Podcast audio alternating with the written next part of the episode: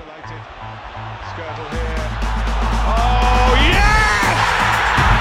Welcome to Manchester United!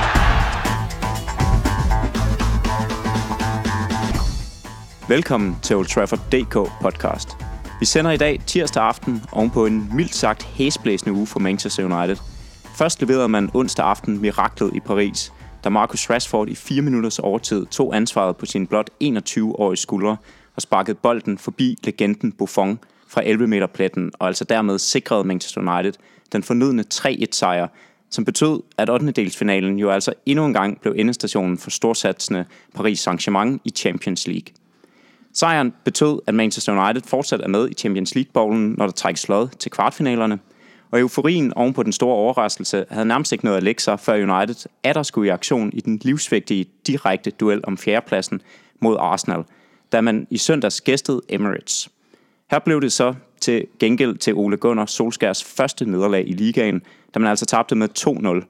Det nederlag skal man nu forsøge at ryste af sig inden lørdag, hvor United skal i aktion i en tredje turnering, nemlig FA-koppen, hvor Wolves altså venter i kvartfinalen. Opsagten til den kamp bliver omdrejningspunktet for denne udsendelse. Vi skal tage temperaturen på den aktuelle tilstand i de to klubber, og forsøge at diskutere, hvilken kamp vi altså har i vente lørdag aften kl. 20.55 på Molineux Stadium. Og med mig i studiet til det formål har jeg været så heldig at få en repræsentant fra fjendens lejr, Steffen Dam, spilekspert på BT, og så har du fulgt Wolverhampton igennem mere end 30 år. Det er korrekt, ja. Velkommen til dig. Tak. Og som Uniteds stemme har vi øh, fået besøg øh, igen af Peter Christensen. Du var med i øh, for et par gange siden øh, under Emil Jørgensen. Du er tv-trætlægger og United-fan gennem 20 år. Ja, Ja, så ikke så Ikke, meget tyngde øh, som Steffen på det ikke, ikke helt, men alligevel trods alt noget. Øh, også velkommen til dig. Tak. Og stemmen, du lytter til nu, den tilhører Jonathan Dam Seldorf, og jeg er jeres vært i dag. Velkommen til.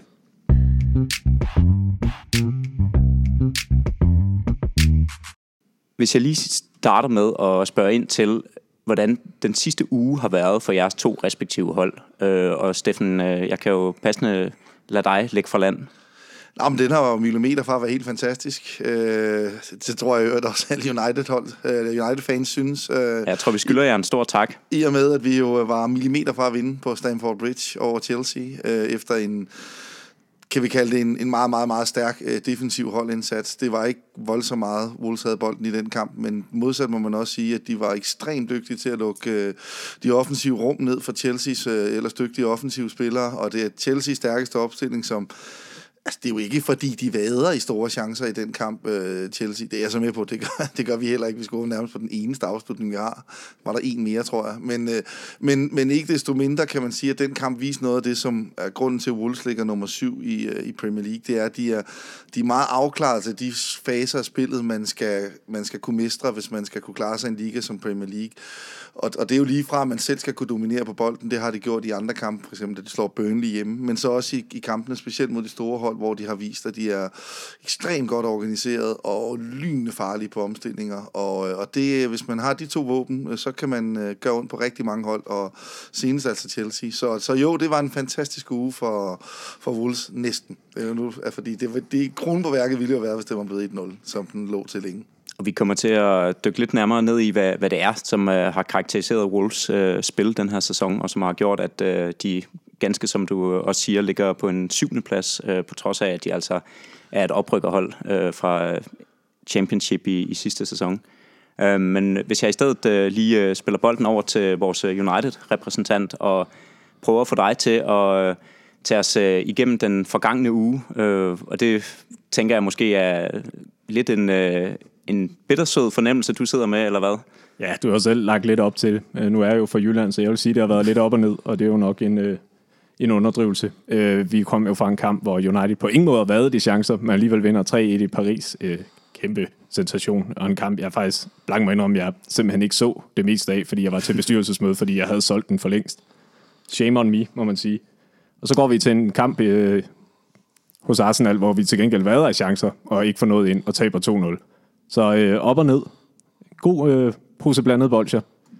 Og hvis man øh, måske lige starter med at, at spørge lidt ind til, til den første kamp i, øh, i Paris, nu øh, er du selv lidt inde på det, at øh, du nærmest havde solgt den på forhånd, da du ikke havde, havde forventet, øh, at den ville ende, som den gjorde, tror jeg ikke, der var mange, der, der havde. Men, men umiddelbart efter kampen, da, da du ser resultatet, hvad, hvad var den umiddelbare følelse, du sad med? Ja, men det er jo ekstremt lykke, og jeg vil også sige, at jeg, jeg ser de sidste 20 minutter, så øh, ro på. Men det er jo bare, altså det er jo glæde. Det er jo virkelig en af de her oplevelser, man vil huske i mange, mange år. Altså, det er jo, vi skal jo godt tilbage i tiden, for man har stået med den fornemmelse nærmest tilbage til Champions League-finalen i 2008, hvor jeg har været så op at køre efter et resultat og efter en kamp. Altså, jeg rystede på hænderne, og jeg kunne ikke gå i seng, og mit lille barn lå og sov inde ved siden af, så jeg måtte også råbe viske på en eller anden måde, da han bakkede den ind, Rashford. Så det var en kæmpe oplevelse. Altså, det er jo derfor, vi ser fodbold. Det er jo for at få de her kampe. Ja, og så øh, følger man jo op med øh, et øh, knap så øh, tilfredsstillende resultat, da man øh, her i weekenden taber 2-0 til, til Arsenal i en direkte duel om, om fjerdepladsen. Hvad, hvad vil du vurdere øh, med baggrund i, øh, i de to præstationer, at øh, Uniteds nuværende formkurve er på en skala fra 1 til 10? Jamen, det, så har jeg lagt den på en solid 8, fordi at øh, resultatet i Paris er ekstremt godt, og det banker det op. Og så vil jeg også sige, det er jo ikke fordi, vi blev spillet ud på røv og albuer af Arsenal, og vi havde chancerne til at få noget ud af den kamp. Så vi er ikke helt op at flyve mere. Han har fået nogle riser i, øh, i sin automobil, den gode Ole, men vi er stadigvæk godt på vej, og der er noget momentum at bygge på. Så en god, solid 8. Hvad med Wolves, Steffen? Er I helt op at flyve? Nej, det bliver en, jeg vil sige en 6-7 stykker, og det er det, fordi at det her Chelsea-resultat er selvfølgelig øh, fantastisk, men vi skal lige kun én udkamp tilbage, før vi leverede noget af det jammerligste, jeg har set. Øh, et noget hold spille i Premier League i år, og taber 1-0, og vi øver det egentlig ikke ufortjent til mægtige, mægtige Huddersfield, og når man kan det kun tre kampe væk, så, så kan man ikke formmæssigt lande på meget mere end 6-7 stykker. 6 vil jeg sige, for, på grund af det, det skal trække så meget ned, det resultat, det var. Jeg sad og så, så jeg virkelig tykket mig igennem de 90 minutter på en, øh, på en stream, og det var, det var ren lidelse. Så, øh, så de, de, kan, de, kan også, de kan åbenbart også ramme et virkelig dårligt niveau, men det, det er nærmest det eneste gang ud over den omvendte kamp mod Huddersfield, jeg har set det i denne sæson. Der var de lige så dårlige. Jeg ved ikke, det er virkelig godt, de ryger ud. Tak for det. Vi har jo øh, lidt tradition for hernede i øh, podcaststudiet, at øh, når vi har fjendens øh, repræsentant øh, hernede, at øh, vi gerne lige vil høre lidt nærmere ind til, øh, hvorfor at man nu har valgt at holde med et andet hold end Manchester United. Ja, det, det ja, men jeg vil sige, grunden var, at jeg, jeg begyndte at interessere mig for fodbold, da, da jeg ikke var så gammel, øh, og min, øh, fik lov at købe tipsfladen af min mor, og der læste jeg så den her artikel af jeg god grund ikke huske, hvem der skrev den, men øh, der er vi tilbage i midt-80'erne om, om det her storhold, som blev et vand forgængeren til øh, Champions League, eller det, det Europa kom fra mesterhold, når det så Altså der var sådan en uofficiel turnering, den vandt Wolves faktisk året inden de så lavede den officielle turnering, som Real Madrid så vinder den første dag, øh, og som, har, som var en, en stor, stor traditionsrig klub i engelsk fodbold, som var millimeter fra at blive ja, gå konkurs og, og, og nærmest bare blive fjernet fra, øhm, fjernet fra historiebøgerne. Ja, det var de jo ikke blevet, men så i hvert fald ud af det engelske ligasystem. Og, øh, og så, ja, det faldt jeg bare for. Jeg ved sgu ikke rigtig, hvorfor jeg synes, det havde et sjovt navn. Så øh, jeg tror, det, det er sådan min, min, min mine om, hvorfor jeg begyndte at holde med dem. Og, øh, og der var vi jo ude i den gang i, øh, i 1986. Der var det jo ikke, øh, der var der ikke noget, der hed... Øh, hed internet, og jeg tror dårlig tekst-tv var opfundet. Det er i hvert fald... Ja, jeg renter øh, de første de første år, jeg holdt med dem, kan jeg huske, jeg var nødt til at ringe ind til, til resultattelefonen for at kunne få lov at, for at finde ud af, hvordan det var gået dem. Så det var sådan lidt, øh, mener det var 0052, det må jeg ikke hænge mig op på, men så fik jeg, fik lov at ringe det ind, og så... Øh, og så kunne jeg høre, hvordan det var gået nede i 4. division, for de startede i 4. division. Jeg begyndte at holde med dem, da de lå der. Og mit, mit første store minde med dem var, at de tabte playoff-finalen om at rykke i den tredje bedste række til et andet storhold, nemlig Aldershot Town. Så øh, øh, det, det, vi jeg, jeg kan ikke sige andet end, at man kan ikke, der er mange, der taler om medløberfans. Det synes jeg i al ubeskedenhed ikke, man kan kalde mit forhold til Wolves.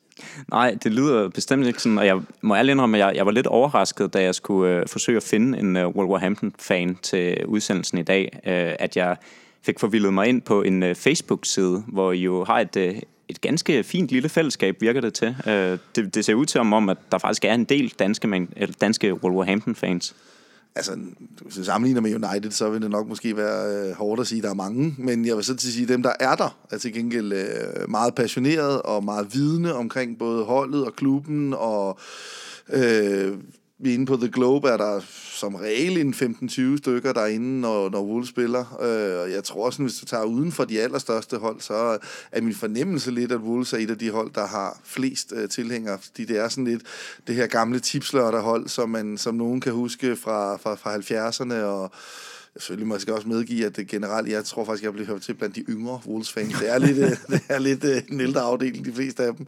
Men, men ikke desto mindre, så, så er det en, altså meget, meget passioneret, og vi har der også mange fede diskussioner inde i gruppen, hvor man tager et eller andet op. Det kan være, ja, det kan være for eksempel efter Huddersfield-kampen, og, og hvad gik der, så lavede han nogle, nogle, nogle sjove dispositioner til næste kamp, som så lykkedes, og så, så, så, er, der, så er der meget med, sådan, hvor man kan sige, det er ikke bare det der med, øde, nu vandt vi, øde vi tabte, men hvor der også er nogen, som sådan går ind og, og, og går lidt mere i dybden, både med, med, med, med den måde, som holdet er bygget op på, og, og det er faktisk fedt, at man kan tage nogle, øh, nogle gode øh, faglige diskussioner derinde øh, med, med nogle rigtig vidne med sammensvorene Wolves-fans. Og, og så er det jo endnu sjovere, når man så kan tage ind på The Globe og så møde dem i, i virkeligheden. Så, så det, har været, det har faktisk været ret, øh, ret sjovt. Øhm, og... Øh, og det, det synes jeg kun har været med til at gøre min oplevelse af Wolves fan. Altså, hvis man sådan har tænkt, ej, nogle idioter, dem der holder med Wolves, så jeg tænkt, ej, nu har jeg taget på det hest, men det er det faktisk ikke. De er faktisk øh, det er nogle, fant- nogle fantastiske mennesker, som oven i købet øh, er ret vidne. Så det har været en, Øh, altså jeg synes, der er et, Øh, jeg vil ikke kalde det, øh, altså det er, jo ikke, det er jo ikke stort, men i hvert fald kan vi kalde det passioneret øh, fanmiljø omkring Wolverhampton i Danmark.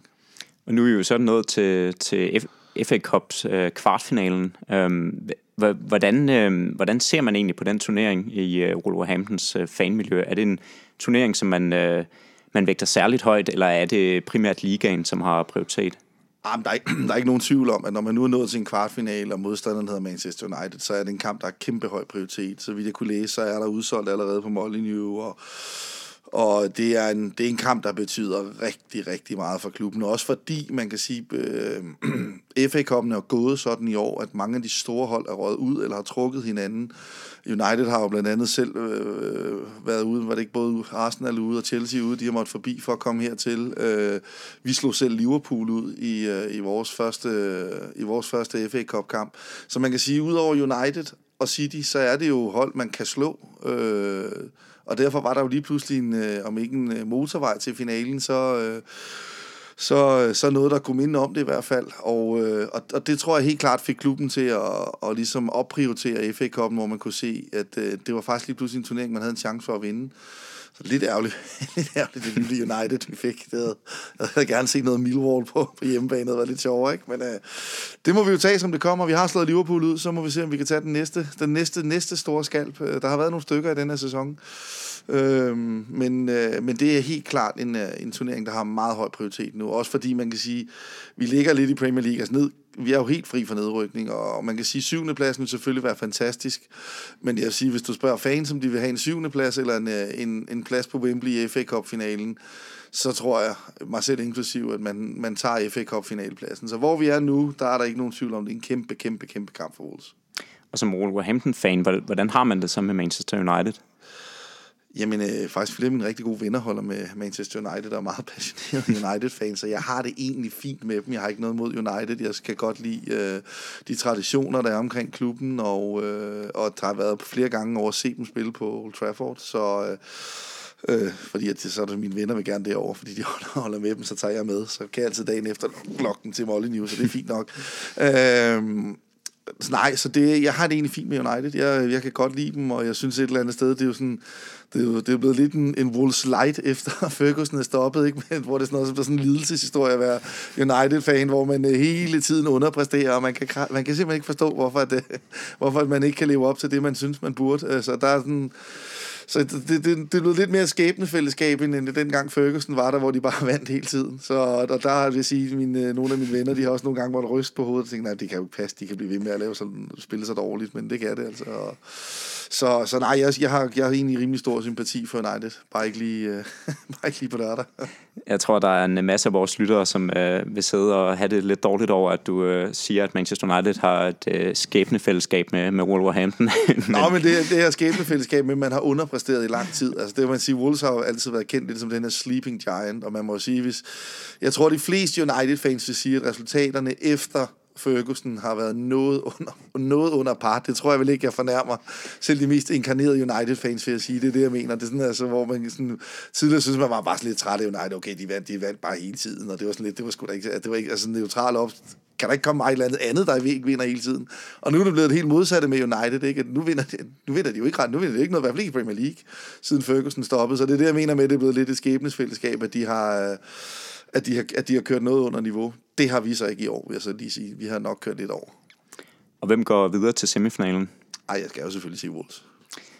Peter, hvordan har Wolves gjort det i den her sæson for dig at se? Jamen, de, jeg synes virkelig, altså, for mig har de gjort det over al forventning. Øhm, og så har jeg så kunne læse mig frem til, at Wolves selv jo har haft nogle større forventninger, end jeg måske har regnet med, de havde. Øh, der er snak om, at de jo rykket ret suverænt op, det må man sige, og det er måske en af de bedste oprykker, Premier League nogensinde har haft, men til at være det, skal der jo stadigvæk gøre arbejdet færdigt, og det har de jo virkelig gjort. Altså, de er jo bare best of the rest. Altså, det er etableret Premier League-hold som Everton og West Ham, øh, Leicester, som de ligger under, og som Steffen siger, som også ligger forholdsvis langt under dem. Altså, de er ikke i fare for noget som helst. Den er kørt hjem. De er i det her no man's land på en eller anden måde. Mm. Så det er jo bare super, super imponerende. Nu er Manchester United jo øh, skulle forbi øh, nogle ret svære øh, modstandere her øh, for at nå til, til kvartfinalen i FA-cupen. Man er, øh, som du også øh, rigtigt øh, siger, Steffen, øh, skulle møde Chelsea på udbanen og Arsenal på udbanen. Nu trækker man til Wolves. Er det, er det egentlig en god lodtrækning for United? Nej, men det er det sgu ikke. Altså, det er det værste, vi kunne trække ud over Manchester City. Og så endda på udebanen, at det kunne ikke blive værre i forhold til, hvad der ellers var i bowlen. Altså, det må man bare sige. Ikke, at det er umuligt på nogen måder, men det, var, det hold, jeg nødvendigvis vil træk efter City. Altså, nu er Manchester United jo, øh, for uden at være med i FA-cupen, øh, har man jo lige pludselig spillet sig videre i Champions League, og også spillet sig med ind i uh, top 4-kampen uh, i, i Premier League, uh, stik mod al forventning. Af de tre turneringer, som United fortsat kæmper med i, hvor højt vil du så rangere FA Cup'ens betydning for United den, i den her sæson? Jamen, det er den tredje. Det er den mindst vigtige, og det er det bare, og det er mest på grund af økonomi, desværre. Og hvem går videre til semifinalen? Jamen, det tror jeg, Manchester United gør. Det skal jeg sige, men det tror jeg også.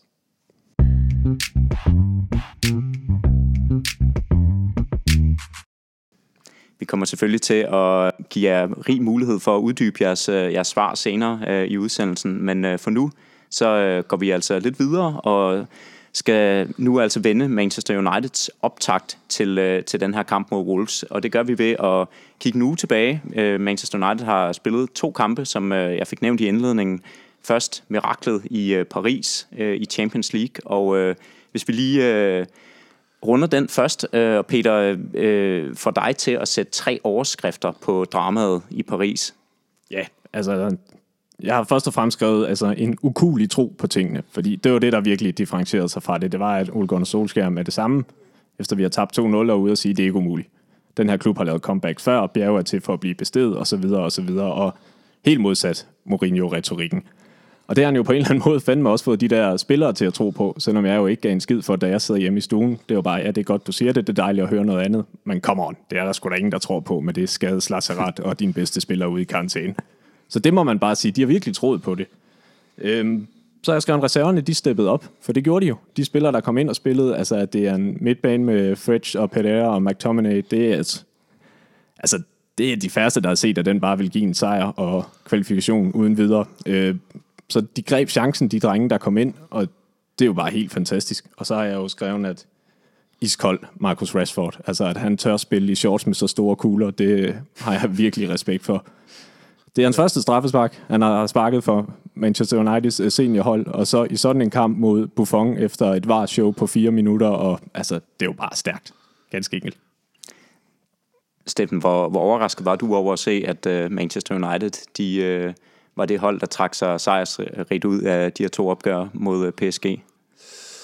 Øh, ikke sådan voldsomt overrasket, hvis vi tager før de to kampe. Jeg er selvfølgelig klart, at det, efter 0-2 i den første kamp, og Pogba i karantæne og 10 skader, eller hvor meget det var, de havde, så havde jeg da ikke lige set komme, at de skulle vinde 3 i Paris. Men jeg synes jo faktisk, at inden kampen øh, på øh, Old Trafford den første, hvor man så også skal huske på, at en af grundene til, at United taber den kamp, er jo, at de må lave to tidlige udskiftninger, som fuldstændig bryder rytmen på holdet. Øh, det der mange, der glemmer, når man siger, at de, de tabte den der kamp øh, fortjent. Det gjorde de også, men, men jeg synes først, det var i anden halvleg, at, at PSG fik sat sig på kampen, og det var primært på grund af de to udskiftninger, de måtte tage, fordi noget af det, som altså noget af det, som har gjort United, som jeg har set nu ser jeg, ser faktisk øh, næsten alle deres kampe, fordi på grund af mit arbejde som spilekspert, så er jeg nødt til at se ret meget fodbold. øh, og en af de ting, jeg synes, der er øh, rigtig øh, slående omkring den måde, de spiller på under Ole Gunnar Solskjaer, det er, at han spiller med enormt meget fart. Og, og når du har så meget fart, øh, ikke mindst i omstillingerne, det er modstanderen nødt til at respektere. Du kan ikke gå op og presse et hold øh, fuldstændig så højt, som, øh, som måske PSG normalt gerne vil gøre, når du møder et hold, som er så stærk i omstillinger, som har så meget fart. Så et enkelt boldtab, jamen det kan betyde, at du, øh, at, at, du, øh, at du lige pludselig har et mål imod dig. Og, øh, og det synes jeg har været en noget af det mest sigende, hvor de var mm, altså meget stereotype i den måde, de angreb på under Mourinho. Så synes jeg, de, de, de er blevet mere uforudsigelige, fordi han vælger at spille med rigtig mange fartspillere. Og det, øh, og han giver dem jo lov til at spille, ikke mindst. Og det, derfor synes jeg egentlig før den første kamp, at øh, jeg tænkte, den her kan, der, der er helt klart nogle våben, som United godt kan gå ind og, og true PSG på, og PSG må i begge kampe undvære, sådan så der flyder på det tidspunkt, Neymar og Cavani, to af deres største profiler. Og United kom med kæmpe meget momentum, så jeg tænkte, jeg havde sådan på forhånd tænkt, okay, skulle der komme en overraskelse? Og jeg, altså, det er lukket vi måske bliver lidt mere åben, når, vi, øh, når når det ser ud til lytterne. Øh, rent faktisk sige, at jeg, jeg, jeg spillede 1000 kroner til, til 35 på United til at vinde Champions League før den lever, den lever. jeg synes, det var lige for højt odds 35, før de skulle møde, øh, møde Paris, fordi at, jeg synes, de kom med det her momentum, og jeg, jeg synes, Paris var på vej ned, så, øh, så jeg vil sige, øh, jeg jublede faktisk også, da de scorede til 3-1. Lige pludselig var min 1000 kroner sædet i live, så det var fint. Ja, apropos øh, spil, øh, altså nu er det jo ikke, fordi vi skal sidde og, og promovere øh, odds hernede i, i podcasten, men... Øh, men altså, der var, der var nogen fra, fra vores fællesskab på Old Trafford DK, som jo også havde, havde smidt penge på, på en 3-1-sejr til Manchester United øh, inden kampen. Og så vidt øh, jeg kan huske, tror jeg, at det var noget med, at øh, det at spille på, at United kvalificerede sig, gav 17 gange pengene igen, og en 3-1-sejr var, var endnu højere. Så, så, så det er jo heller ikke noget, som, som har ligget i kortene, at Manchester United skulle, øh, skulle levere det her mirakel nede i Paris. Ej, nej, bestemt ikke. Øh, og, så, og så alligevel, vil jeg så sige, jeg har aldrig set dem, de vil lave miraklet, men, men jeg synes, altså, de, de gør jo det helt rigtigt. Prøv at se, om de kan få et tidligt mål og ryste øh, Paris. Og det, det er jo det, der sker. Og så, så kan man så sige, at PSG egentlig får, får rejst sig rimelig okay derfra, men, men så igen, så, så laver Buffon det her meget ukarakteristiske kæmpe drop, som de så får udnyttet til 2-1. Og så ved man bare, at det er fodbold. Altså, der skal en lille tilfældighed til, øh, og det må man jo sige, det var jo i den grad tilfældighedsafdelingen med, med varshowet og den her arm, og var den, hvor, hvor langt var den ude fra kroppen til, var den i en unaturlig position og alt det her, ikke? Øh, så, øh, så, så selvfølgelig skal du have forpagtet alt heldet også på dagen. Det skal du, hvis du skal kunne vinde 0-2 til samlet sejr med Pogba i karantæne og, og 10 skader. Det skal du jo. Så, altså, det, det er jo helt indiskutabelt. Det havde United så også, og det er jo også derfor, at det er sådan for mig, som ser mere på præstationer end resultater, det er jo det er, fordi, jeg synes, at noget, en af de største fejl, man generelt er, det er, så siger man, hvordan har præstationerne været i forhold til resultaterne, og der, der er United faktisk en meget sjov case, for hvis vi kigger på både de expected goals og præstationer, så synes jeg, de præsterede også ud fra expected goals. Fantastisk i de første syv kampe under Ole Gunnar Solskjaer. Øh, den eneste, hvor de faktisk præsterer dårligt, det er mod Tottenham, der har det giver så bare en helt, en helt vanvittig dag, så det gik alligevel. Øh, så kom begynder skaderne at vælte ind, og så begynder de at præstere lidt dårligere, men, men, men egentlig ikke, altså sådan, altså, jeg, de præsterer dårligere end deres resultater tilsiger, men de præsterer markant bedre, end de gjorde under Mourinho, så stadigvæk fremgang. Og så kan man sige, så kommer den her uge, så til tager de to kampe isoleret set, Jamen altså, normalt vil de jo tabe sådan en kamp som i Paris, hvis der er chance og spilfordeling. Og normalt vil de vinde en kamp øh, ude mod Arsenal, hvis man ser på chancefordeling. Og så går det lige omvendt, og så sidder alle og taler om miraklet i Paris, og uh, nu, nu fik han lige en risse i lakken mod, øh, mod Arsenal, men, men det er jo nærmest en af hans bedre præstationer, den mod Arsenal. Det var bare en, det var bare en dag, hvor det bare ikke vildt ind, og det sker jo mm. også nogle gange i fodbold, hvor det modsat så skete i Paris, hvor de jo øh, altså scorer på alt, og så oveni får et varstraffe med, sådan er fodbold nogle gange en sjov størrelse. Ja, fordi det var vel, øh, var vel egentlig lidt sjovt øh, at se, hvordan at øh, Manchester United nok egentlig var, var bedre spillende mod Arsenal, end man var mod, mod PSG.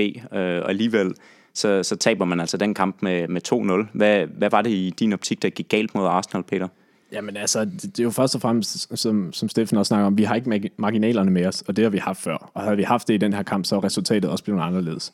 Men samtidig så kommer vi jo heller ikke rigtig godt fra start. Jeg synes ikke, vi er 100% klar, og man starter op i en 4-4-2, som Arsenal øh, ret hurtigt skaber store problemer for, fordi de så spiller 3-5-2, og vi kommer i undertal nogle vigtige steder på banen, og det får vi så rettet i løbet af kampen. Men jeg synes også, der var lidt, altså vi manglede de 10, sidste 10-15% skarphed og koncentration i de afgørende faser. Altså, jeg tror, expected goals stadigvæk lå på 2,37 til United og 1,53 til Arsenal. Så vi skaber de chancer, der skal til for at vinde kampen. Men jeg sad ikke og følte, at vi var farlige. Jeg sad ikke, og det handler fodbold jo også nogle gange. Jeg sad ikke med følelsen om, at vi ville få den her ind, fordi vi havde en af de dage. Og Arsenal virkede bare skarpere og mere motiveret og bare mere opsatte, mere klar på det. Så jo, altså, der er ikke noget i den præstation, som siger, at nu er alt lort og fyr Ole Gunnar og så videre. Men det er de små, lidt mentale ting, hvor vi bare ikke ramte dagen. Så jeg synes ikke, man skal gøre det værre, end det er. Helt sikkert, det var en udmærket præstation. Den kunne have givet point en hvilken som helst anden dag, og så videre i teksten. Synes du, at Ole Gunners øh, taktiske oplæg mod Arsenal var, var godt nok? Nej, altså jeg synes jo, det er forkert at starte ud i en, en, en 4-4-2. Altså det viste sig så, så at være, fordi Arsenal jo havde læst det, og dermed får, øh, for, får de bare en bedre start på kampen. Men det får han jo rettet forholdsvis hurtigt, og så er vi jo nogenlunde med igen.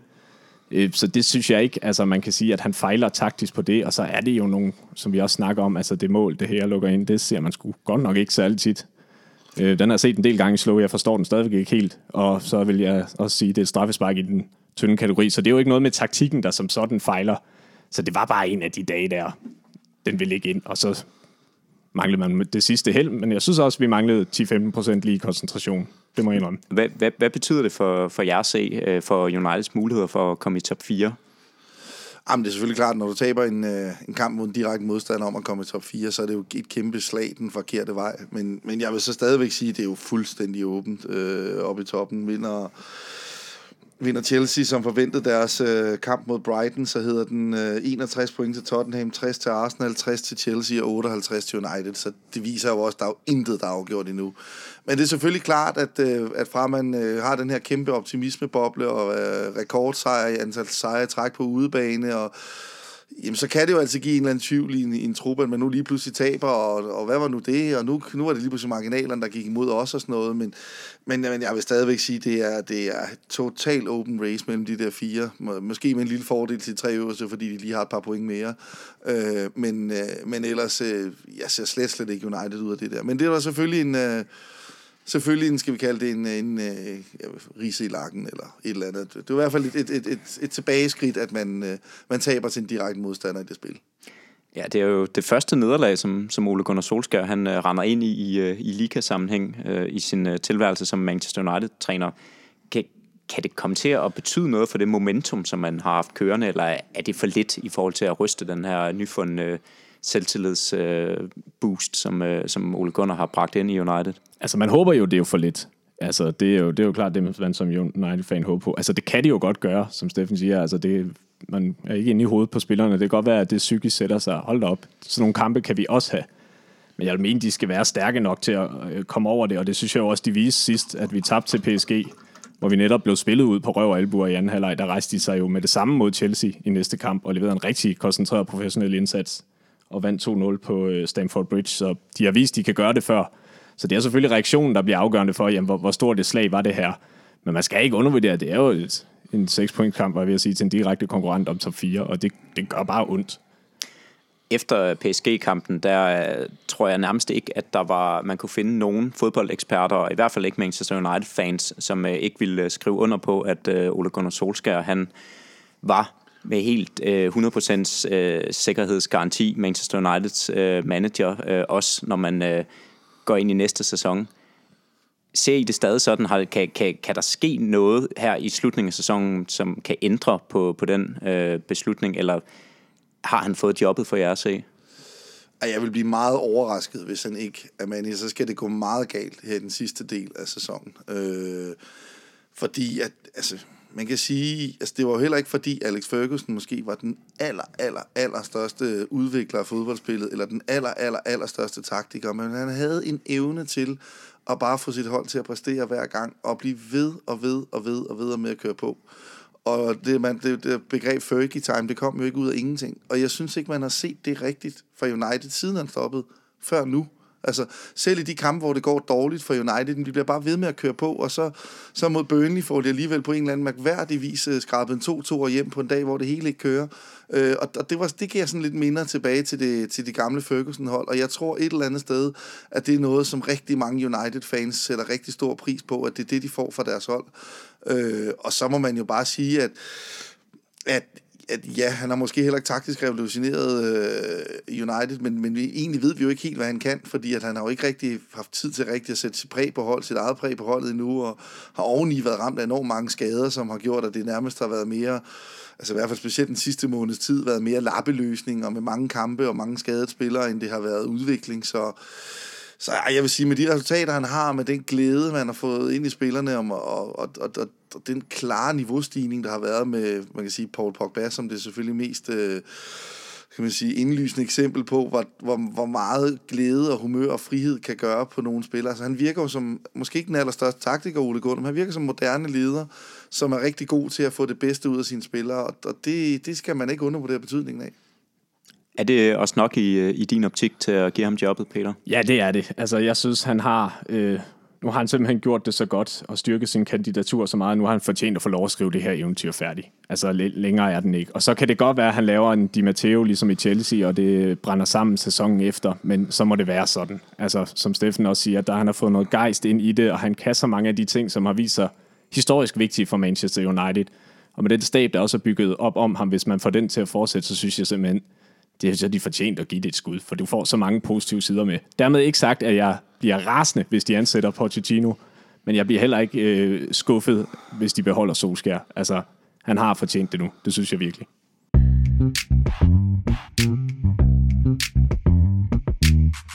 Selvom Manchester United jo altså ikke formåede at slå Arsenal her i weekenden, så gjorde Wolverhampton jo faktisk hvad de skulle i forhold til at give United den øh, hjælpende hånd i øh, kampen om øh, fjerdepladsen, da I tog point fra Chelsea, spillede 1-1.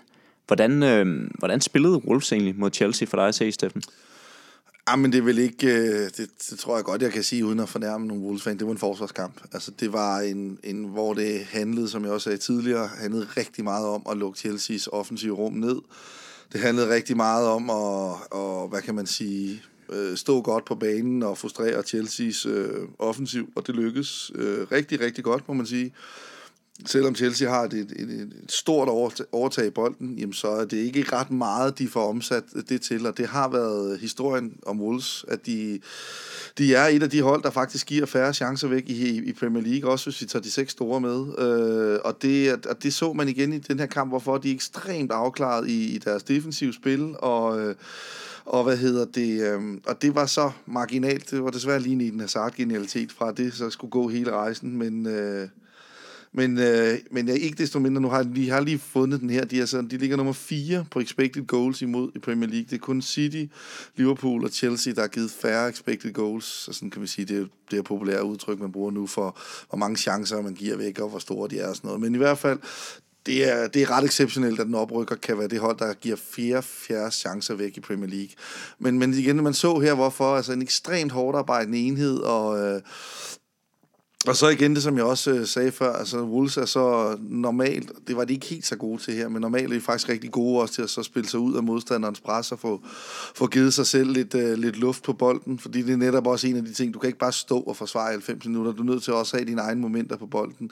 Og der, der var nogle af dem, men der var ikke så mange, som der har været i nogle af de andre kampe, for eksempel hvis vi tager den omvendte kamp uh, mod United på Old Trafford, som jeg selv var over at se, der, der var jo store perioder af kampen, hvor Wolves faktisk var bedst på bolden. Øh, det var der ikke helt plads til, at Chelsea var meget energisk, og var, var, var egentlig dygtig til at kan man sige, udlægge det, vi gerne vil den anden vej, men, men en ekstrem stærk forsvarsindsats. Og så har vi... Øh, så har vi en rigtig stærk angriber, der har været en, en åbenbaring i denne sæson, Raul Jimenez, som jeg egentlig ikke øh, havde de store forventninger til, inden sæsonen gik i gang. Øh, og vi egentlig sagde egentlig før sæsonen, at det nok var en af vores svære punkter. Det har det ikke været. Øh, så var det er dejligt at tage fejl på den måde. Øh, som, øh, som får lavet det heldigt, men øh, ikke desto mindre et fint angribermål, øh, som lige bliver rettet af. Og så er det jo så desværre, at øh, Hidden Hazard udlægger festen til sidst, men, men det er en, øh, en, kan man sige, måske nok også lidt en general prøve på, hvordan vi kommer til at angribe kampen mod United. Jeg tror ikke, vi kommer til at angribe den helt så defensivt nu hjemme, men, men, må, men hvad hedder det, Nuno er selvfølgelig vores manager, og er selvfølgelig også klar over, at øh, han skal ikke give United ret meget bagrum, fordi det er de uhyre stærke til at udnytte. Så, så jeg tror stadigvæk, at vi vil se en kamp, hvor United kommer til at være mest på bolden. Det passer ind i Nuno fint. Øh, og det har været Wolves' styrke sæsonen igennem, at de er, de er egentlig bedst i de kampe, hvor de ikke skal skabe spillet, fordi de er så stærke i deres organisation, og de er så afklaret i, hvad de vil, og de er så stærke i deres omstillinger. Så altså, de er, de er rigtig giftige øh, at møde for de her hold, som, som jeg selv top 6 holdene, fordi de er så gode til det, og det har man set. Altså Chelsea 2-1 hjemme, 1-1 ude, 1-1 ude mod United, øh, slår Liverpool i FA-koppen, 1-1 hjemme mod City også i øvrigt, øh, som en af de få hold, der har taget point for City. Øh, så, så man kan sige, øh, Arsenal 1-1 ude, hvor vi rammer indersiden af, af, af stolten for at vinde, og det, ja, det ved alle, det, var ikke, det er ikke det nemmeste sted at spille. Øh, Emirates Stadium, så altså, de har bare gentagende gange vist i år, at de, de der type kampe er de faktisk rigtig gode til, og det er også lidt der, min optimisme er før kampen på lørdag. Det er, at, at, at, at mod, selv mod de bedre hold, der, der har de faktisk, øh, ja, der har de faktisk klaret det forbavsende godt. Øh, og det vil sige, de gange de taber, Jamen, de taber så 3-0. Helt fortjent selvfølgelig til City, men får så også rødt kort efter, jeg tror, 12 minutter, lige i starten af kampen, og så vidste man godt, okay, 10 mand mod City på Etihad i 80 minutter, det er game over, uanset hvor godt øh, og afklaret man er, og det var det også.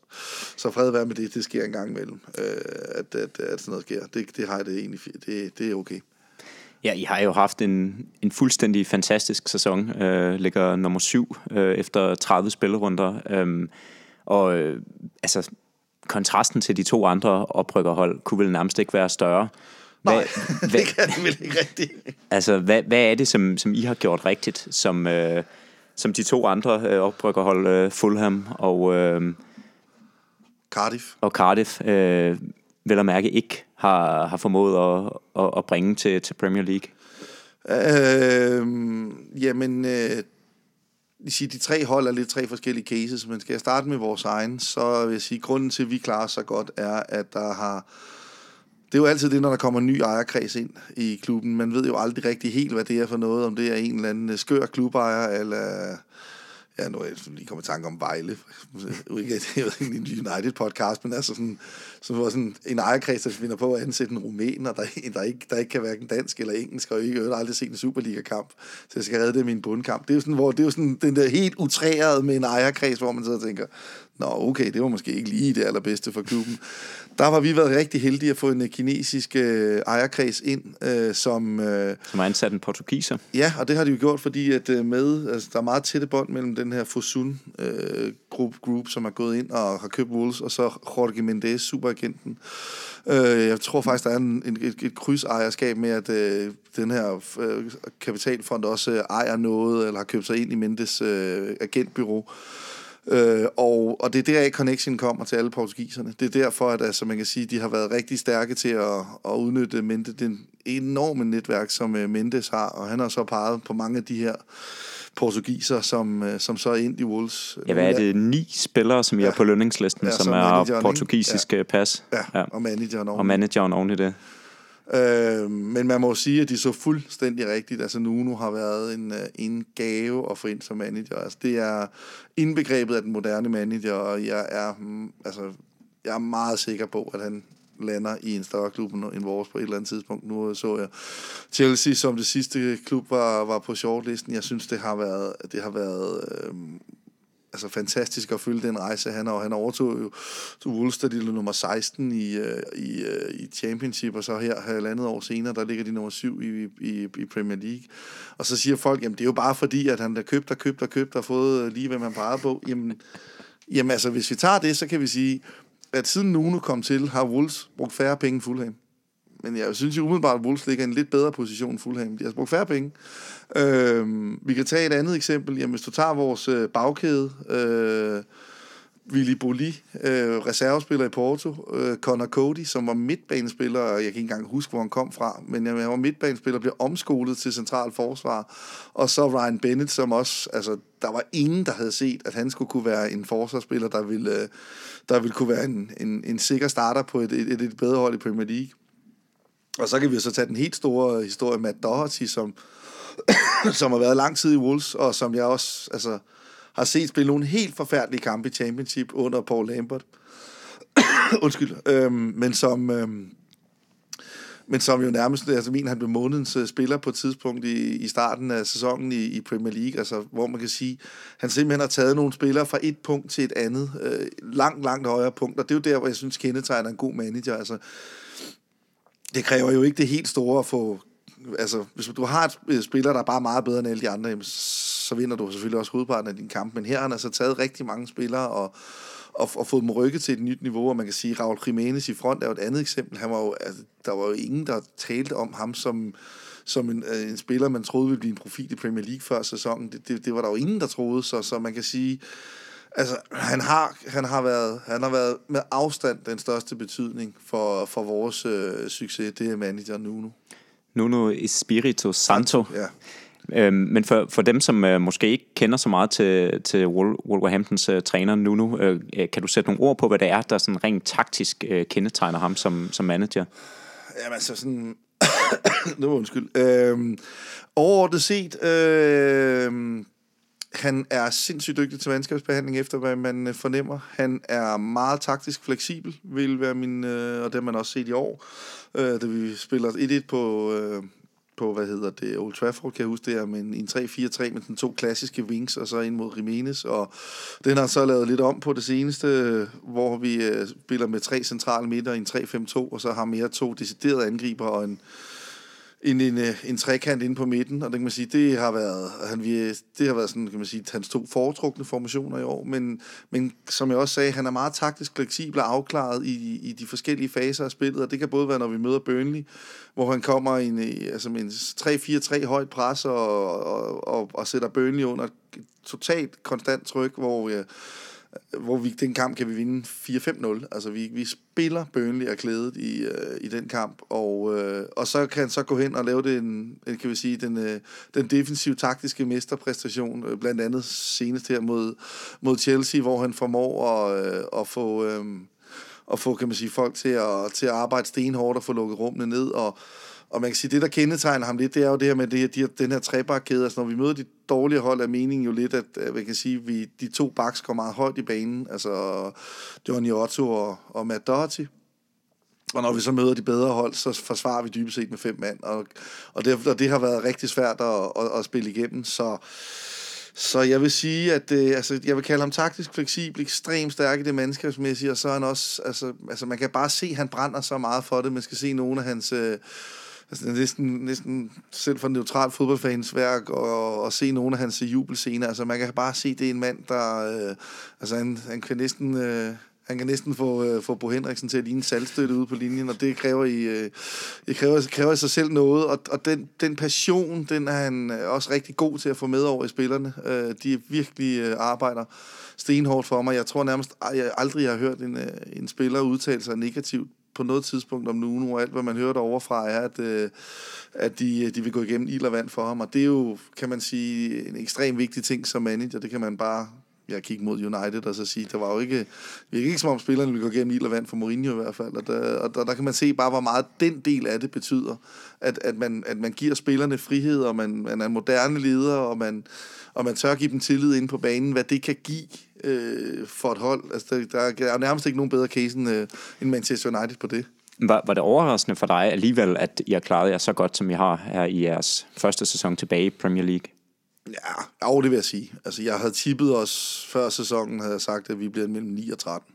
Jeg, var, jeg synes, det, det jeg så sidste år, øh, det koncept, der var bygget op, og det, øh, det, var, det var for stærkt til, at vi skulle komme i nærheden af nedrykning. Det, det vil jeg sige, og det var jeg egentlig også ret sikker på. Det, det er det bedste, det kunne jeg se der sidste år. Det er det med afstand det bedste hold Wolves har haft i de godt 30 år, jeg har holdt med dem. Men, øh, men at, at de lige frem skulle gå op og, øh, og, og tage point i, hvad, fem ud af, eller hvad hedder det, over halvdelen af kampene mod, øh, nej, ikke lige alle sammen i hovedet, men i hvert fald over halvdelen af kampene mod top 6 holdene, og ligge rimelig klar syver på det her tidspunkt af sæsonen. Det havde jeg ikke tippet. Det, det, det, det vil jeg trods alt sige, at der synes jeg, der var hold, der også har investeret væsentligt mere i holdet, end vi har, som, som burde have favoritter til det, men øh, heldigvis ikke. Men, men man kan sige, det, det viser jo endnu en gang, hvor meget retning betyder, og det er også noget, øh, jeg kommer tilbage til senere i min, øh, min pointe, så en lille cliffhanger, men, øh, men det er det her med, hvor meget det betyder, at du har en retning, og du er, du, du er fuldstændig klar på, hvad det er, du vil, og du har en, øh, en plan, og den viger du ikke fra, og så selv hvis der kommer lidt... Øh,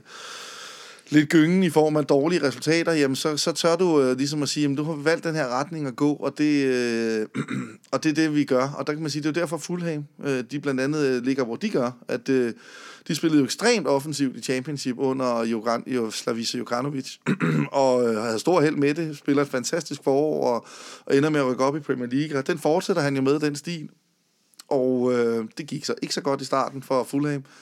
Så vælger de så at fyre ham og ansætte Claudio Ranieri. Og så er det, jeg siger, jamen, hvordan kan I blive overrasket, kære fulham over, mm. at I har købt en trup ind, som skal passe til øh, højt pres og tekniske spillere og altså, efter Jovanovics hoved, og, øh, og så står man med en mand, der, der spiller dimensionalt modsat, og som, altså, det siger sig selv, jamen altså, så skal man først til at skifte en trup ud, så den passer lidt mere ind til Ranieri, og Ranieri står med nogle spillere, som overhovedet ikke passer til den måde, han vil spille på.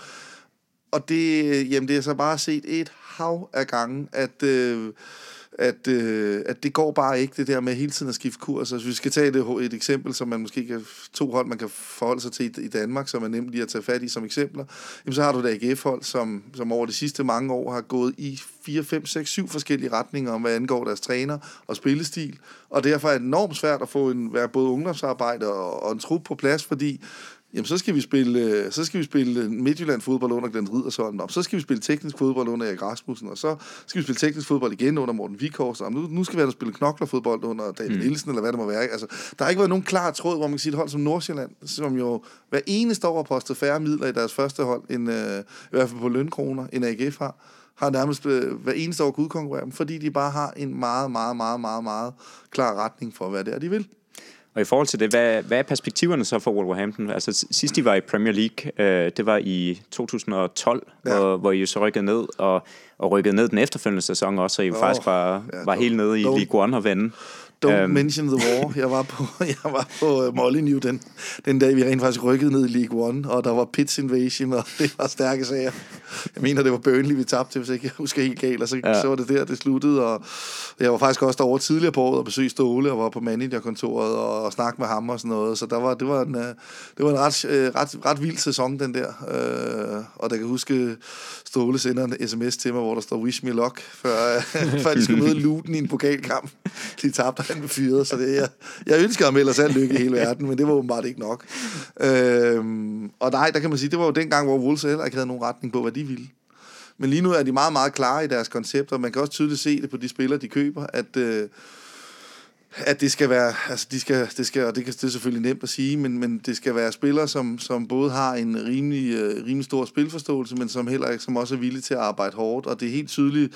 Og han har meget, pas. Nej, egentlig ikke, fordi at, altså, han, uh, Raul Jimenez er mexikaner, det, så det, altså, det smager lidt derhen af, men det, han er dog ikke portugiser. Nej. Øh, Øhm, så nej, altså, øh, så man kan sige, at han er også meget afklaret med, hvad de forskellige spillere på banen skal kunne, og, og hvordan man forsvarer, og hvordan man angriber alt det her. Det, og det, det er, altså, jeg ser en, en meget positiv fremtid for Wolves, hvis, hvis ellers Fusun øh, fortsætter den kurs, og klubben fortsætter den kurs, som de har, øh, har hvad hedder det, øh, har vist indtil nu.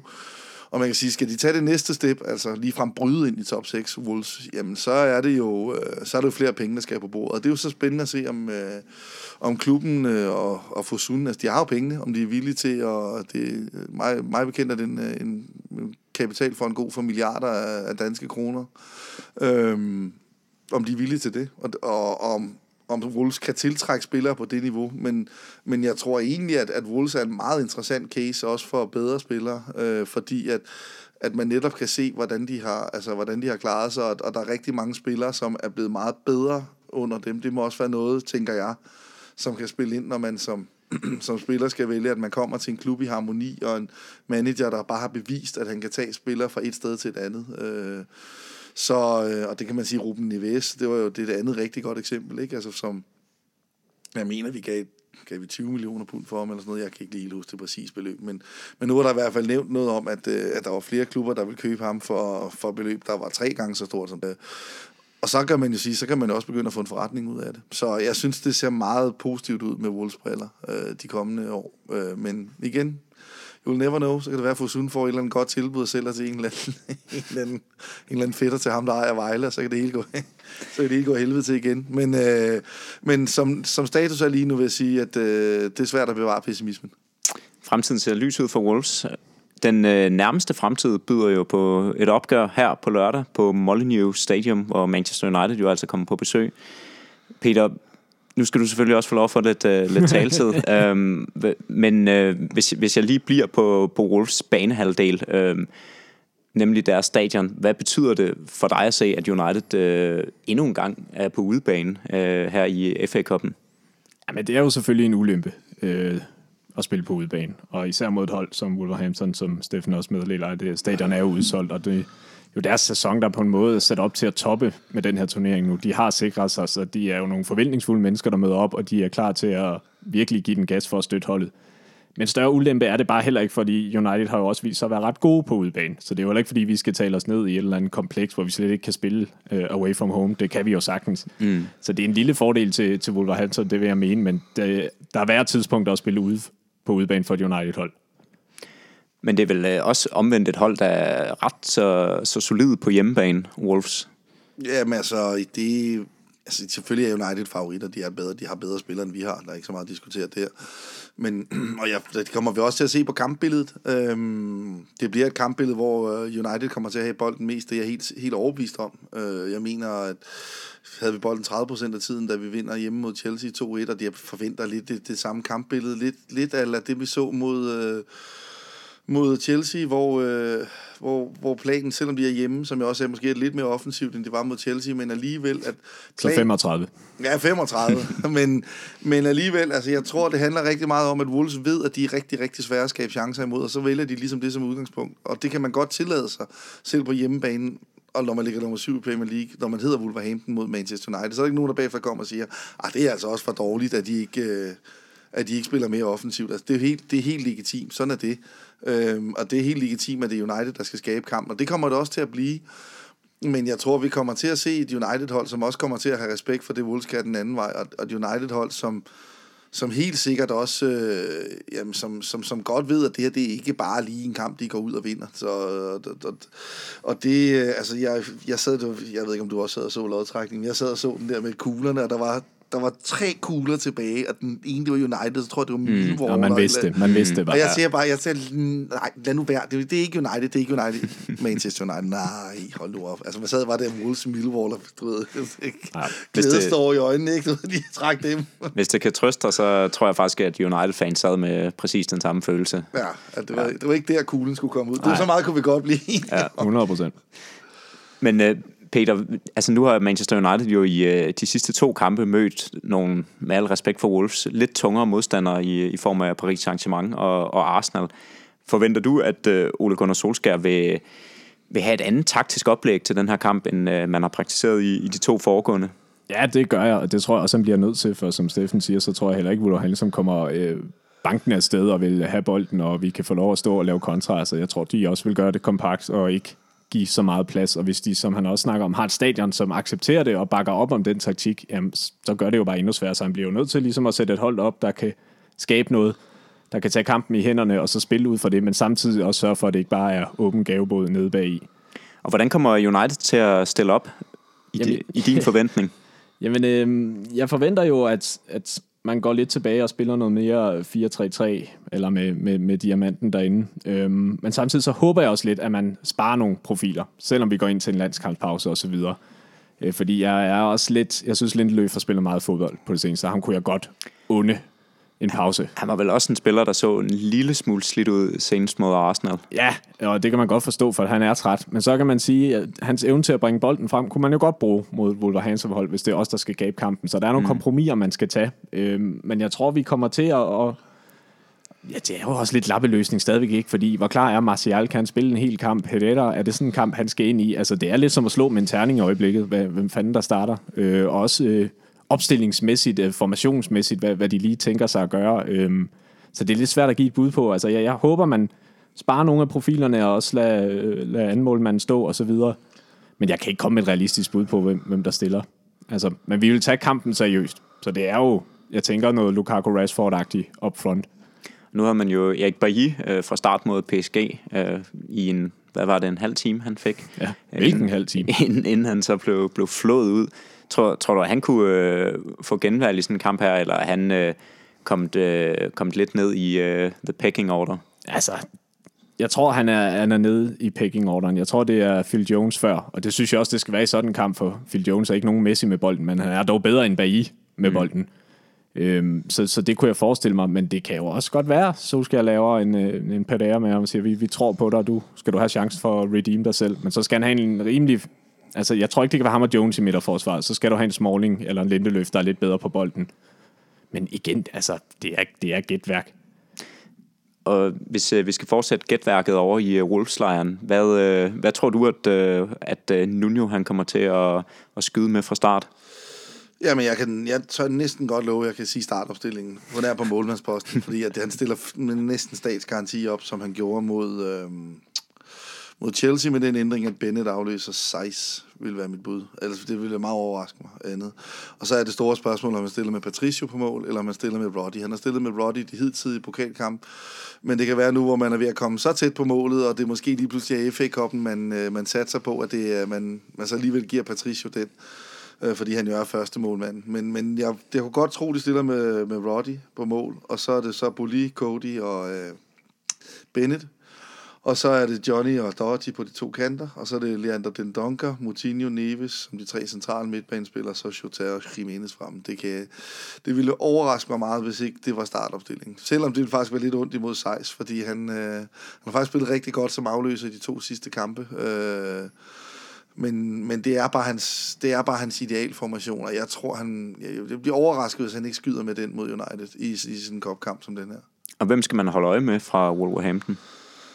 Øh, jamen, jeg synes, altså Jimenez, som jeg jo har omtalt før, synes jeg har set rigtig, rigtig stærk ud. Øh, en øh, moderne angriber, som, som både øh, kan spille med front mod eget mål, men også er dygtig den anden vej, og rigtig stærk i øh, sko til at holde på bolden, men samtidig også... Øh, samtidig også målfarlig selv. Øhm, og man kan sige, at specielt i en kamp mod United er det vigtigt, at du har en mand, du kan spille den op på, som er i stand til at holde fast i den. Og det, det er han faktisk blevet bedre til, som sæsonen er skrevet frem. Og, og ham, ham har jeg et øje på. Og så er det Moutinho stødbolde, øh, og øh, hans sparke, hans spark udefra. Det ved United-fans jo alt om, hvis de får så den omvendte kamp. Mm-hmm. Øh, Neves synes jeg ikke helt har ramt sit niveau på det seneste, men på sin bedste dage, der har han også der har nogle fantastiske afleveringer frem i banen, som kan splitte et helt forsvar meget. Øh, har blandt andet mod Leicester til den næst sidste pasning til 4-3-målet i den kamp. Det er en, altså en gudepasning over 60 meter, som, som splitter Leicester defensiven ad, og og altså, hvis han kan ramme noget af det niveau, så, øh, så, så vil jeg sige, så er han også en af dem, man skal kigge på. Men ellers så er det, efter, hvis det bliver en kamp ligesom mod Chelsea, meget enheden Wolverhampton, man skal kigge på. Og hvis nu Manchester United skal gøre sig nogen som helst forhåbninger om at, at slå Wolves, hvad, hvad er det så for nogle svagheder, som man skal kigge efter hos, øh, hos Wolverhampton? Oh, men altså, det er jo selvfølgelig klart, at det, altså, man siger, United har jo, altså nu skal jeg, har jeg også siddet og talt Wolves meget op, men det er ud for de forudsætninger, de har. Altså, det, det siger jo sig selv, at Jimenez er jo ikke på niveau med Lukaku, og, og Jota er jo ikke på niveau med, øh, med hvad hedder det, øh, med Rashford eller, eller Martial for eksempel, hvis det er det, de vælger at spille med.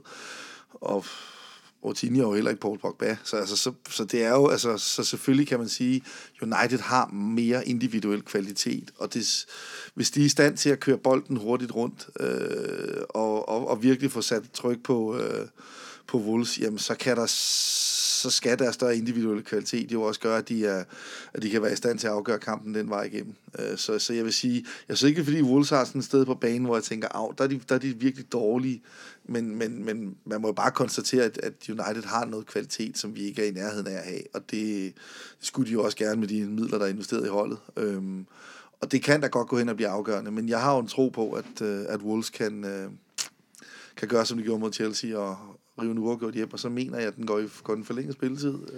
Ja, det tror jeg faktisk, den gør, ja. Der er ikke omkamp længere, nemlig. Mm. Øh, så jeg tror, den går i forlænget, og så straffe, og så, så kan alt jo ske derfra.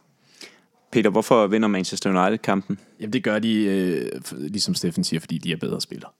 Altså, det er det, vi skal sætte vores lid til. Og de skal jo bare ramme hinanden nogenlunde, så skal den individuelle kvalitet simpelthen øh, skabe de muligheder, der er brug for. Og så også fordi de stadigvæk driver, har en lille eftervind af øh, Ole Gunnar-effekten at køre på.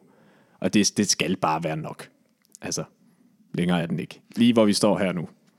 Og, og, og hvordan tror du, man griber kampen andet rent taktisk? Tror du, det bliver, bliver over fløjene, eller bliver det mere centreret gennem midten, eller hvordan tror du, at, øh, at United vil gribe det an?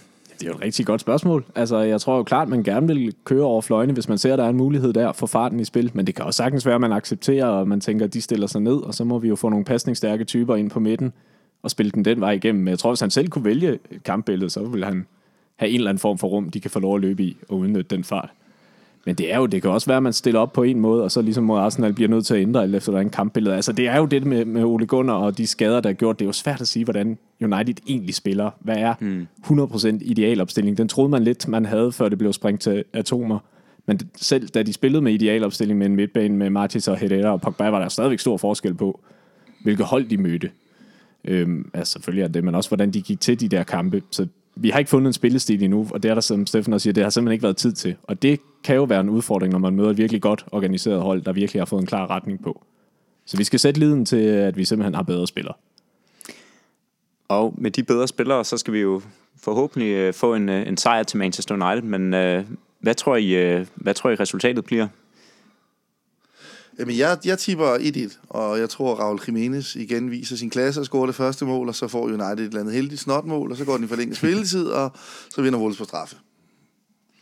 Jeg har taget den helt kæmpe store optimistiske hat på, og overhovedet ikke øh, Glimrende. ser helt bort fra, at de, de har så få expected goals mod sig, så siger jeg simpelthen øh, 3-1 øh, til United. Vi får en kamp lignende den mod Palace, hvor Wolves bliver nødt til at satse til sidst, og så får vi mulighed for at lave det ekstra mål.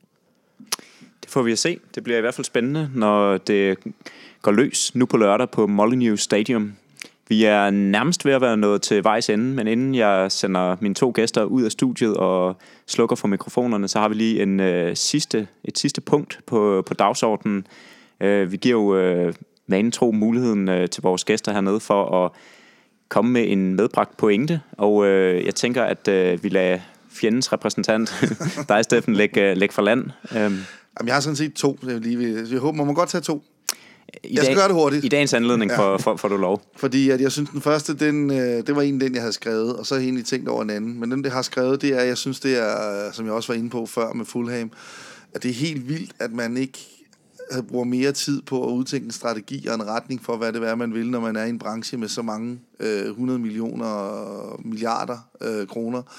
At det, hvis, man, hvis man gjorde sådan ud det øh, almindelige erhvervsliv, og den bare sådan sejlede fra, fra, fra, fra den ene havn til den anden, jamen, så var man jo fyret på stedet. Altså, det, det, var, det, det ville jo aldrig gå, men, men der er fodbolden. Altså, og, og det, det er et eller andet sted, min pointe, det er, at jeg, jeg, kan, jeg, jeg undres virkelig over, at der kan være klubber, der ikke der bruger så meget mange penge på at skifte manager og så skifte spillere, men ikke bruger øh, penge på at få nogen ind, der rent faktisk kan lave en retning for dem. Og så den anden ting, jeg, øh, og det, det, er, det er jo egentlig ikke så meget, men nu tænker jeg, der er meget gode pointer med, nu man var her. Det er hele det her cirkus omkring øh, hånd på bolden, efter var er kommet. Jeg synes, det er ved at ødelægge fodboldspillet, at, øh, at man der skal nærmest ingenting til, øh, nu hvor VAR er, for at, øh, at der bliver fløjtet straffespark for hånd på bolden, og man er simpelthen enten nødt til at justere VAR, eller justere retningslinjerne, eller justere fodboldloven, fordi det, det, det bliver simpelthen for mange kampe, der bliver afgjort på en eller anden tilfældig hands, øh, og, og nu nåede vi endda også at se... Øh, Altså nu United-fans er super glade for det, så det er jo ikke det, jeg tænker, at de måske... Lige oven på den, øh, den sidste hændelse i hvert fald. Men hvis vi prøver at tage den objektive hat på, ikke? Altså det er, det er lidt ærgerligt, at for mange fodboldkampe skal afgøres på, på en eller anden tilfældig hånd, som en eller anden... Altså, jeg kunne godt tænke mig, at der var nogle, altså skal vi sige, mindre rigide regler for, hvornår blev der fløjtet for hånd på bolden i straffesparksfeltet. I hvert fald, når man har var, fordi at, øh, så kan det, det kommer til at få en alt, alt for stor betydning for resultaterne. Det er helt sikkert også en diskussion, som jeg kunne forestille mig, at øh, der kommer til at, at løbe øh, de næste par år. Nu øh, bliver VAR jo også introduceret til Premier League næste sæson, så, så det bliver i hvert fald spændende at følge, hvordan at, øh, den udvikling kommer til at, at forløbe sig. Øh, Peter, har du en, øh, en pointe med? Ja, det har jeg. Og det er jo selvfølgelig en stor øh, forsvarstale for var og retfærdigheden i de helt præcise kendelser. Nej, er det ikke. Men det har faktisk noget at gøre med det, det andet, Steffen sagde, nemlig det med retning og vigtigheden af at vælge en retning. Fordi jeg gider ikke høre på det med en sportsdirektør i Manchester United mere. Jeg gider ikke høre mere på det. Altså snak om det, når de har ansat en, og ellers så lægger vi det på låg nu, fordi der sker ikke en skid. Øhm, man snakker om den her store oprydning efter Mourinho, nu man virkelig tænkt sig om, og nu man virkelig vælge en retning, og nu kommer der jo rygter om, at man ikke engang har overvejet andre manager end Ole Gunnar Solskjaer. Så man har simpelthen sat sig ned, fundet afløseren, og så har man stoppet med at tænke. Og så kender man jo sin bestyrelse igen. Så jeg, altså, en eller anden laver lige Twitter-profilen, har Manchester United ansat en sportsdirektør, og så kan vi få en masse nejer ned på den, og så kan man lave en overordnet profil, der hedder, har Manchester United besluttet sig for en sportslig retning, og så kan vi få nogle nejer på den også, fordi jeg er virkelig ved at være utålmodig, og jeg er ved at være træt af det, fordi det er fint nok, at hvis man forlænger Ole Gunnar Solskjaer, det kan jeg sagtens se, men der skal mere til. Du skal have nogle folk bagved, øh, som hjælper og ligesom siger, jamen, hvem skal så være den næste manager? Hvad skal vores spillestil være? Og der sker ikke en skid. Og nu frygter jeg virkelig, nu er det, han, hvad han hedder, Monchi er fri på banen igen. Mm. Den her øh, rockstjerne inden for sportsdirektører. Og det sker jo, han bliver kædet sammen med os. Og jamen for fanden, altså, det er jo en Mourinho-ansættelse på sportsdirektørniveau og hente sådan en mand ind, ved mindre der ikke ligger nogle virkelig dybe tanker bag, og det, hvis jeg kender United ret de sidste par år, så gør der ikke det.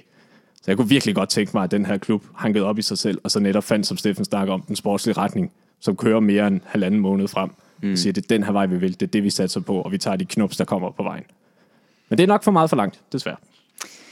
Spændende perspektiv. Øhm, om det er for meget for langt, det skal jeg ikke kunne, kunne svare på. Øhm, I hvert fald så er der meget, der tyder på, at øh, Ole Gunnar Solskjaer han, øh, bliver ny manager i Manchester United.